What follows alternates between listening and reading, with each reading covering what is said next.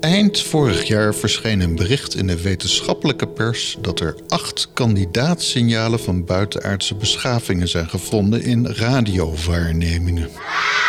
Mogelijk heeft u het gemist, want het zijn slechts kandidaatsignalen. Dit zijn dus mogelijke signaturen van een technologisch ontwikkelde civilisatie buiten die van ons, en nog geen ontcijferde berichten die zonder enige twijfel afkomstig zijn van een andere beschaving. Het artikel over deze vondst verscheen met de titel A deep learning search for technosignatures of 820 nearby stars. in het gerenommeerde tijdschrift Nature Astronomy. Voordat we naar de inhoud van dit bericht en de consequenties daarvan kijken, zullen we eerst even wat dieper ingaan op dat onderdeel deep learning. Inderdaad hebben we te maken met kunstmatige intelligentie als we de term deep learning gebruiken. Nu is kunstmatige intelligentie op dit moment een redelijk populair onderwerp, mede dankzij de nieuwsaandacht die ChatGPT geniet. Heeft u al eens een gesprekje gehad met ChatGPT? Het is reuze vermakelijk en kost niks, alleen wat tijd misschien. Even een kort intermezzo. Ik vroeg ChatGPT wat fundamentele astronomievragen en kreeg verrassend uitgebreide antwoorden. Oh, ChatGPT, how big is the universe? The universe is estimated to be extremely vast, and its size is difficult to comprehend. Scientists currently believe that the observable universe, which includes all the matter and energy that we can detect, is approximately 93 billion light years in diameter. This means that the distance between two points on opposite sides of the observable universe would take 93 billion years to travel at the speed of light. It's worth noting that the observable universe is only a small fraction of the total universe. The universe may be infinite in size, although this is still a topic of debate among cosmologists. Additionally, the universe is constantly expanding, so its size is not static. Overall, the size of the universe is a vast and complex topic, and scientists are continually working to better understand its properties and characteristics. But how can something be infinite in size? The idea of infinity can be difficult to comprehend, especially when it comes to physical objects like the universe. In mathematics and philosophy, infinity refers to the concept of something without limit or end. In the case of the universe, scientists believe that it may be infinite in size because there is no known boundary or edge to the universe, and its expansion appears to be continuous. One way to think about the idea of infinity in the context of the universe is to consider the analogy of a two dimensional plane. Imagine a flat plane that extends infinitely in all directions, with no boundary or edge.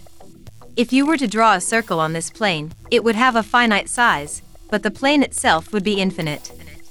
Similarly, the universe may be infinite in size, even if individual objects within it have a finite size. It's important to note that the idea of an infinite universe is still a topic of debate among cosmologists, and our understanding of the universe is constantly evolving as new observations and data become available. But ChatGPT, tell me, does time tick the same in the vacuum portions of the universe? According to the theory of relativity, time is relative to the observer and can be affected by various factors such as gravity and velocity. In vacuum portions of the universe, where there is very little matter, the effects of gravity are negligible, and time should tick at a relatively constant rate. However, the universe is not entirely empty, and there are still areas where gravity can have a significant effect on time. For example, near massive objects such as black holes or neutron stars, the intense gravitational fields can cause time to appear to slow down for an outside observer. This effect is known as gravitational time dilation and has been observed and measured in experiments. In addition, the expansion of the universe can also affect the passage of time. As the universe expands, the distance between objects increases, which can cause time to appear to slow down relative to a distant observer. This effect is known as cosmological time dilation and has also been observed and measured.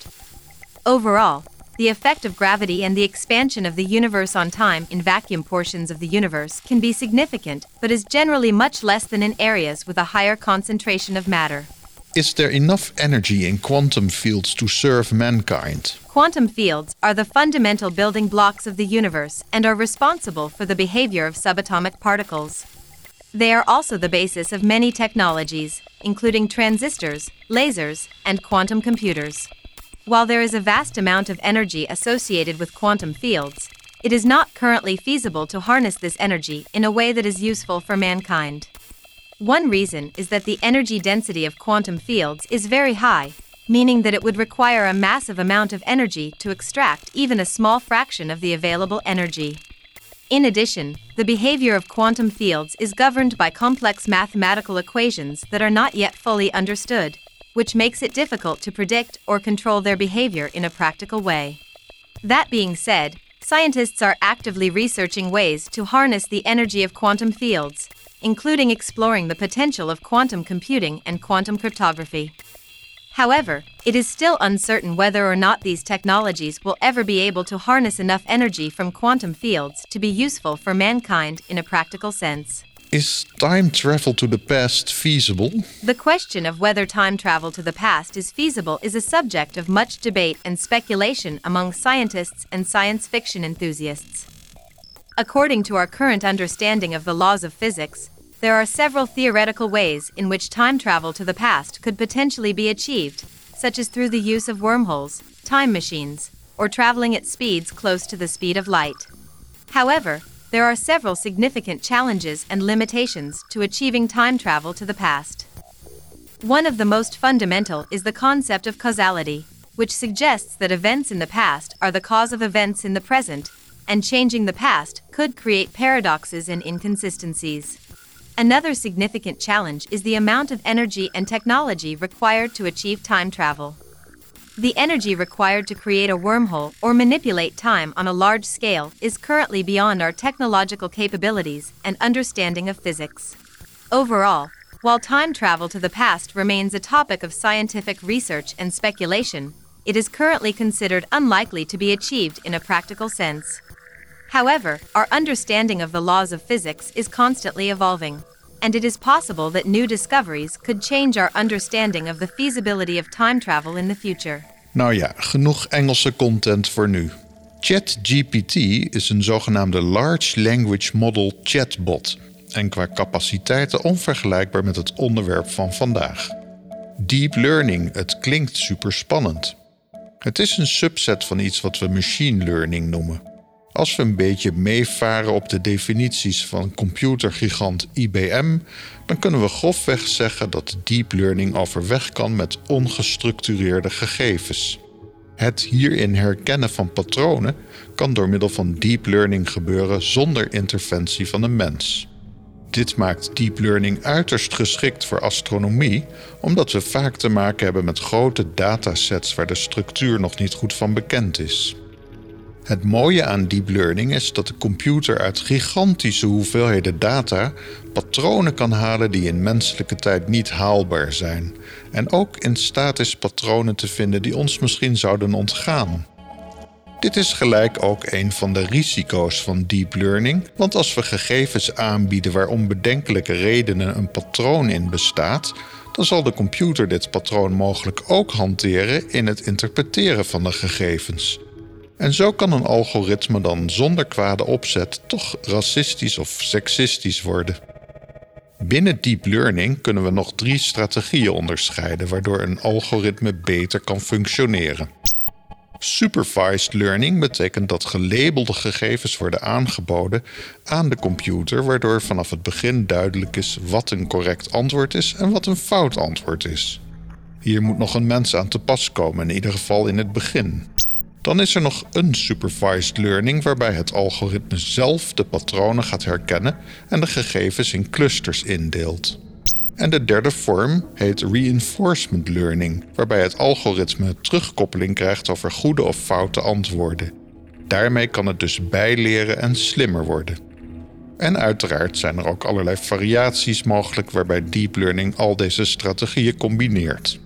Mocht u al min of meer zijn afgehaakt op het voorgaande, Vrees niet, het wordt nu echt interessant. SETI, de Search for Extraterrestrial Intelligence, heeft als doel buitenaardse beschavingen te vinden op basis van hun technologische voetafdrukken in gegevens. Eén zo'n mogelijke technologische voetafdruk bestaat uit smalbandige radiosignalen die een zekere Doppler-variatie ondergaan. Smalbandig wil zeggen dat er heel specifiek op één kleine frequentieband wordt uitgezonden, iets wat de natuur niet gauw doet, en die Doppler-variatie treedt op als zo'n signaal van ver van ons vandaan komt. De praktische uitwerking van deze zoektocht is eenvoudig.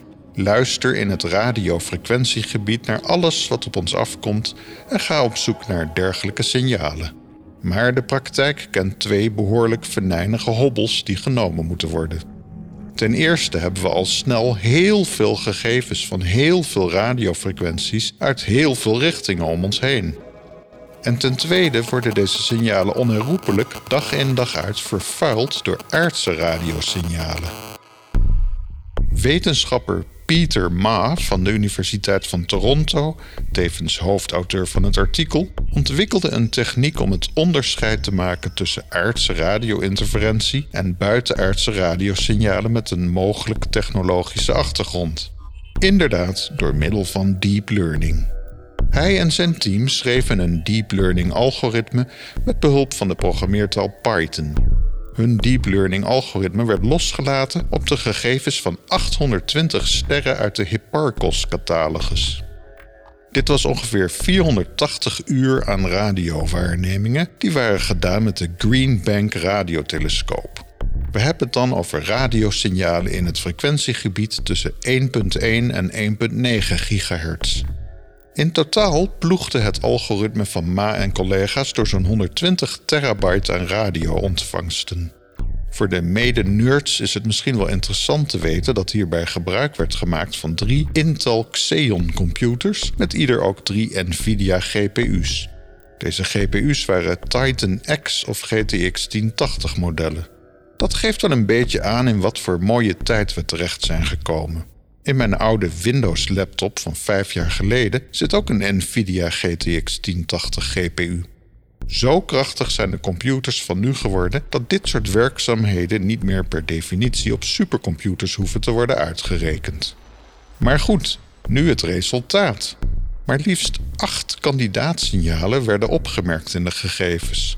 Deze signalen waren afkomstig uit de richting van vijf verschillende sterren, allen tussen de 30 en 90 lichtjaar verwijderd van onze aarde.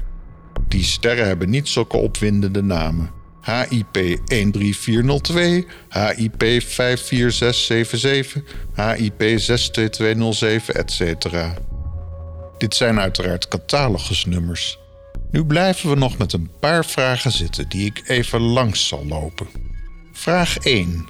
Hoe vallen deze signalen op in de ruis? En vraag 2. Hoe train je een algoritme met buitenaardse radiosignalen als we die nog nooit hebben ontvangen? Deze twee vragen horen een beetje bij elkaar, mijns inziens. In het begin van deze column zeiden we al dat we zoeken naar smalbandige radiotransmissies die een zekere Doppler shift ondergaan. Smalbandige signalen zijn goed te onderscheiden, want als we een radioontvangst in kleine bandjes verdelen, dan valt een signaal op dat slechts in één of twee van zulke onderverdelingen voorkomt en verder nergens.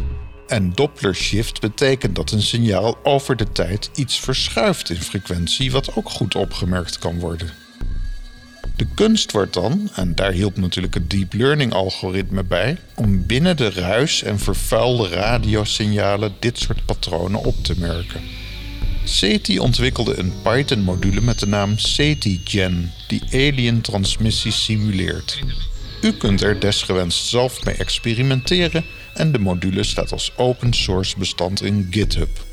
Als u de voorbeelden braaf langsloopt, kunt u zelf voorbeelden genereren van buitenaardse radiosignalen. Een ander detail wat niet onbelangrijk is, is dat de radiotelescopen bij een waarneming op een object worden gericht en vlak daarna iets ernaast kijken. We noemen dit nodding. Als een radiosignaal van een aardse bron afkomstig is, dan zal het in de meeste gevallen in beide waarnemingen verschijnen. Is het een buitenaardse transmissie van vele lichtjaren van ons vandaan, dan zal het uit beeld verdwijnen als we de radiotelescoop iets draaien. Dit is ook een belangrijke methode om het kaf van het koren te scheiden. Vraag 3. En nu dan? is dit het doorslaggevende bewijs voor buitenaardse technologieën. Er is meermalen naar de vijf verdachte sterren gekeken en geluisterd na de ontdekking van het team van Ma, maar er is nog geen herhaling van een signaal gevonden. Dit is uiteraard licht teleurstellend. Maar zo kan ik u natuurlijk niet achterlaten. Drie sterren van de acht waarnemingen doken twee keer op in de resultaten van de deep learning zoektocht. Naar die sterren zal in de toekomst met extra belangstelling geluisterd worden. De HIP-catalogusnummers die ik eerder noemde, HIP 13402, HIP 54677 en HIP 62207, zijn die drie sterren. En verder is dit de eerste keer in de geschiedenis dat op deze wijze naar SETI-data werd gekeken. Dit betekent vooral dat astronomen een nieuw gereedschap in handen hebben gekregen om te zoeken naar buitenaardse signalen. In de nabije toekomst zullen meer datasets worden doorgeploegd met vergelijkbare algoritmes. En deze deep learning technieken worden beter en efficiënter, daar kunnen we vergif op innemen. Als er nieuwe spannende ontwikkelingen zijn voor wat betreft buitenaards leven, hoort u het uiteraard hier. Of in die andere leuke ruimtevaart- en sterrenkunde podcast Sterrenstof van Anko van Hal. Ja, dankjewel Hens. Eh, we zitten hier nu live in het Albert Piercent Amsterdam. We hebben net de opname gehad van Sterrenstof 23. En die is van maart en die gaat 1 maart online. En in deze uitzending hebben we een hele leuk hoofdthema. En dat is onze mysterieuze planeet van het zonnestelsel Neptunus. Ook in deze uitzending heb ik de vraag van de luisteraar die ik ga beantwoorden. Een hele spannende vraag gesteld. We hebben astronomie en ruimtevaartnieuws in het kort. En in deze uitzending, ongelooflijk, hebben we exclusief een bericht gekregen van André Kuipers zomaar. En we eindigen altijd met de sterrenhemel van de maand. En dit keer van de maand maart 2023. Ik zou zeker luisteren en subscriben. Tot de volgende keer. We'll do what we can here, and let's also send a coded audio message to Solar Guard headquarters.